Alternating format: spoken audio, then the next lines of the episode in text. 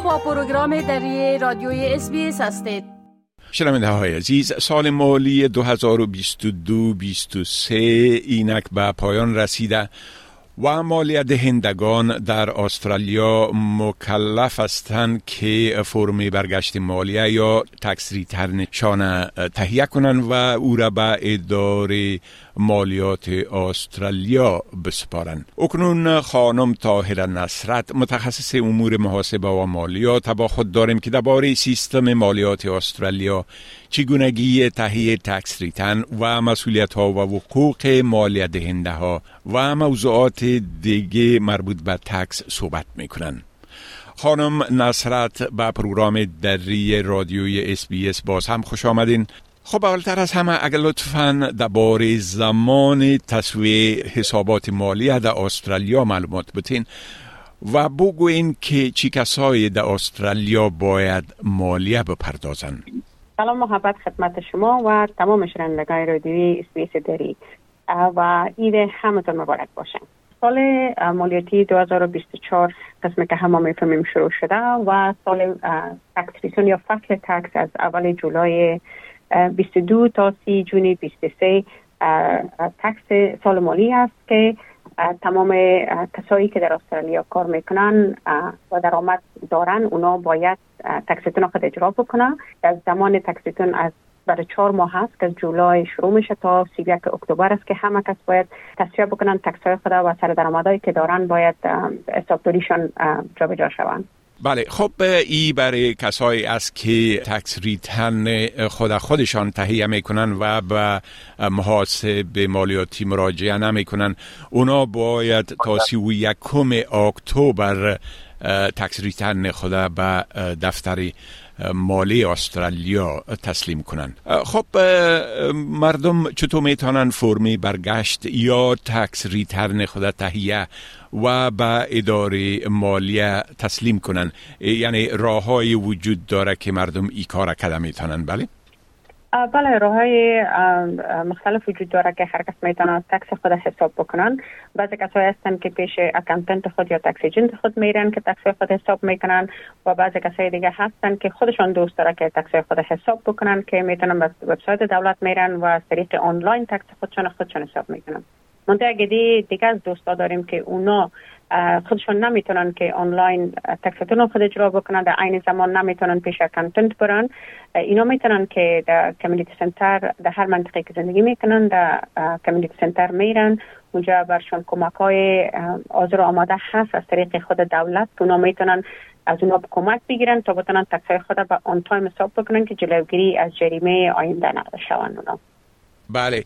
خب و کسایی که خودشان tax return خود خانه پوری می‌کنه فرمه هایشان اینا چه قسم می‌تونن؟ اگر اونا مجبور نیستن که به کمیونیتی سنترها مراجعه کنن اینا می‌تونن هم آنلاین ای کار بکنن و هم می‌تونن به فرمه های کاغذی تکس ریتن خود تهیه کنن و دوباره به دفتر مالی استرالیا بفرستن بله؟ بله امی چهار ماهی که فصل تکس هست که آخرین روز 31 اکتبر میشن اگر دوستا خودشان دوست دارن که تکس های خود خودشان یا از طریق آنلاین و یا از طریق فرمایی که در کمیونیتی سنترهای منطقه خود میرن فرما را خانه پوری می‌کنن و تکسی خودشان به کمک کمیونیتی سنترها خانه پوری می‌کنن. اینا می‌تونن خودشان بکنن. منتها امی تاریخ آخر 31 اکتبر هستن که باید اینا اجرات خود بکنن و بر طریق پست اگر اونا فرما را خانه پوری می‌کنن از طریق پستی در خود فرما آدرس خود تکس ذکر است که به مو آدرس باید پست شوه اونا می‌تونن رقم بفرستن. و همچنان کسایی که از طریق تکس ایجنت یا محاسبین مالیاتی فرمه های خود خانه پوری می‌کنه برای از اونا ضرب عجل وجود نداره. یعنی محدودیت نیست. اونا حتمی نیست که به تا سی و یکم اکتبر فرمه های خود برگردانن. بله؟ بله چون agent ها هستن ما client طبعا زیاد داریم. از خاطر دولت به خاطر که ما tax agent هستیم time ای اضافه برای همه tax agent ها میتن و کسایی که tax های خود از طریق agent ها پیش می‌برن تاریخ ختم کار اونا یا حسابی tax یتون اونا 31 اکتبر نیست. اونا time اضافه تر داره که اما هر نفر که اگر بخواه بفهمن که تاریخ آخر tax agent اونا چی وقت است و tax agent خود مراجعه می‌کنن اونا باز فایلشون می‌بینه برشون advice میده متو عموما کسایی که از طریق tax agent tax خود حساب می‌کنن اونا تا ماه می سال بعدی که فعلا ما شما financial year 23 هستیم یعنی هر کسی که بخواد از طریق agent کار خود پیش ببرن تا ماه می 24 اونا وقت دارن که می‌تونن tax شون حساب بکنن. بعضی کسا هست که تا نوامبر وقت دارن. اینا هر کس که چش فرق می‌کنه اونا اگر می‌خواین بفهمن که چقدر وقت دارن می‌تونن مراجعه بکنن و تکس ایجنتاشون بهشون ادوایس میده که آخرین روز هر فرد یا هر اندیویدوال تاریخ بله بسیار خوب. خب مالیت دهنده ها می‌تونن به خاطر بعضی از مصارف در ارتباط به کارشان معافیت ها یا تخفیف مالیاتی را تقاضا کنند اگر لطفا بگوین که چی مصارف قابل تخفیف مالیاتی هستند خب در این بخش دو گروپ از کار در استرالیا میشه که کسایی هستند که حساب حقوق می‌گیرن یا معاش می‌گیرن باعث کارمند اینا به دفتر کار می‌کنن. و مصارف اینا فرق می‌کنه که بتونن در تکسیتون خود شامل بکنن. مثلا اگر اینا از خانه کار می‌کنن مصارف که اینا می‌تونن در تکس خود شامل بسازه مثلا مصرف تلفن است اینترنت است یا برق است یا موتاق که اینا استفاده می‌کنن نظر به که تعداد روزشون در خانه از خانه کار می‌کنن چقدر است؟ مثلا کامپیوتر است استفاده می‌کنن.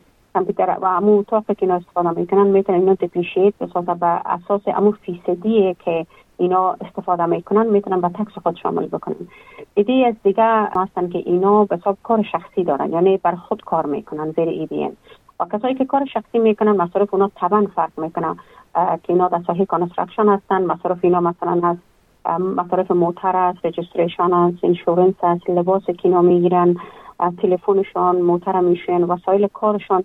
اینا رو فرق می‌کنه که امی کسایی که tax خود می‌کنن با کدام category اینا کار می‌کنن مصارفشون نظر به category شون درآمدشون فرق می‌کنن بله یعنی کسایی که کارهای شخصی می‌کنن اونا می‌تونن که به خاطر همه وسایل به شمول موتر و چیزهای دیگه که به خاطر کارشان یا به خاطر درآمد که به دست میارن از اونا استفاده می‌کنن می‌تونن که به خاطر از اونا اینا تخفیف مالیاتی بگیرن.